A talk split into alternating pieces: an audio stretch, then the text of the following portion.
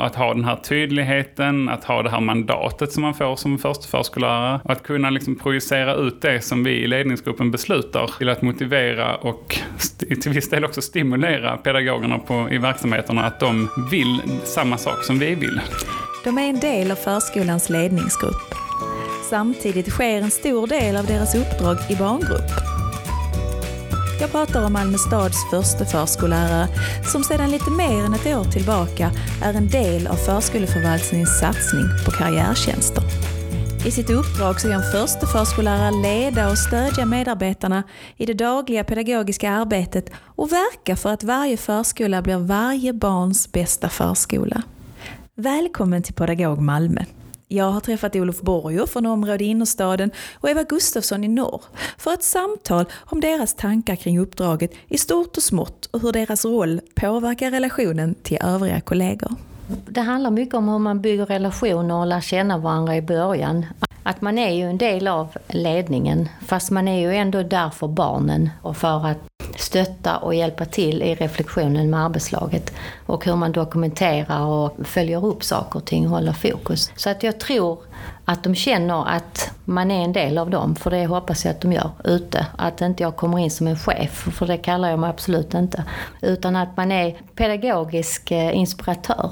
Har du upplevt några konflikter i det, Olof? Att eh, vara en del av ledningsgruppen och samtidigt vara en del i verksamheten? Nej, inga konflikter för att jag är en del av ledningsgruppen. Vi valde ju att göra så att de två första månaderna, tror jag det var, av vårt uppdrag, så gjorde vi ingenting. Alltså mer än att bara vara ute och knyta kontakter och liksom verkligen jobba för att vi blir betrodda med det mandatet som vi faktiskt har i form av först förskollärare. Eh, men just att bygga förtroende och skapa ömsesidig respekt eh, har gett oss mycket. Som vi har sagt, vi är inga chefer. Vi hamnar någonstans mitt emellan chefer och medarbetare. Ja, jag trivs bra där. Vi är mitt emellan landet.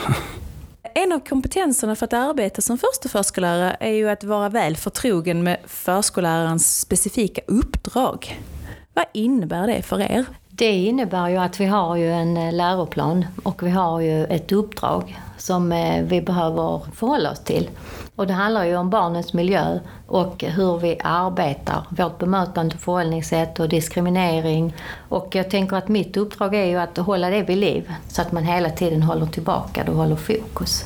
Och där kan jag inte annat än hålla med. Eh, en del som vi har jobbat en del med är att skilja på person och profession. Att vi faktiskt är professionella i det vi gör. Att från det, den sekunden vi kliver in på våra förskolor så är vi professionella och vi lämnar det personliga utanför så länge. En annan kompetens är att kunna utgöra en förebild i det professionella uppdraget för medarbetarna. Hur är ni en förebild för era kollegor? Jag är väl en förebild på det sättet att jag alltid är glad och alltid försöker ha roligt på jobb tillsammans med barnen. Det är väldigt många som jag upplever ibland som stressar för saker som ska göras. Det stressar man och så glömmer man bort barnen i det. Utan att man ändå i allt det här som åligger oss faktiskt tar det lite lugnt och slappnar av och så har man jäkligt roligt. Då blir allting mycket lättare och man kommer att följa de flesta av alla styrdokument vi har genom att bara ha kul. Det är verkligen så. Om vi läser läroplanen och inte har kul samtidigt så då är det ingen som vill jobba i förskolan, tror jag. Som förskollärare ska man ju också utstråla trygghet i sin professionella roll. Hur är man när man är trygg i sin professionella roll?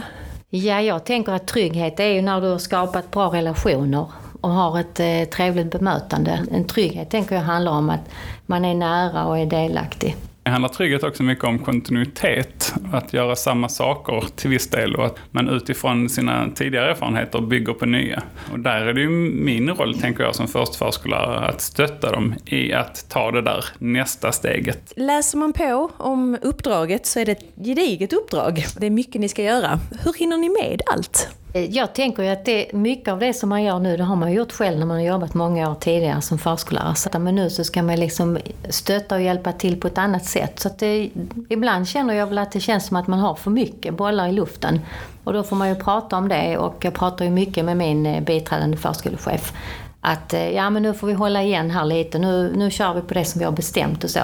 Jag tänker också där att ja, vi hinner inte med allt samtidigt. Utan man måste göra en form av prioritering i vad som är viktigast just nu. Vilket fokus väljer vi och hur kan vi sen gå vidare och utvecklas utifrån det? Ni nämner det här att ni har gjort det här tidigare. Eh, I uppdraget står det att ni ska förbereda, planera, genomföra, utvärdera och analysera den pedagogiska verksamheten. På vilket vis skiljer det sig från ert tidigare uppdrag?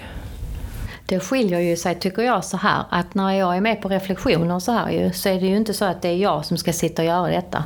Utan jag ska ju stötta så att de andra eh, i arbetslaget skriver ju själv och dokumenterar och reflekterar.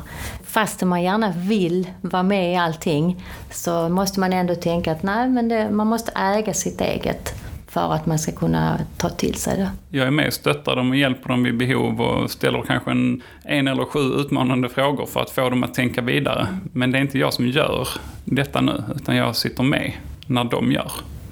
Så vad skulle ni då säga är den största skillnaden från att ha arbetat som förskollärare och att nu arbeta som förste förskollärare? Perspektivet som vi har på saker. Nu står vi ju någonstans mellan ledning och verksamhet. Eh, vi gör inte samma saker. Vi, vi står lite utanför och ser på när de andra gör sakerna. Och sen så ser vi till att försöka motivera dem att hålla en hög kvalitet, att det de gör är professionellt. Det var allt från Pedagog Malmö den här gången. Jag heter Marina Walker och jag säger tack till dagens gäster Olof Borgio och Eva Gustafsson och jag hoppas att vi hörs snart igen.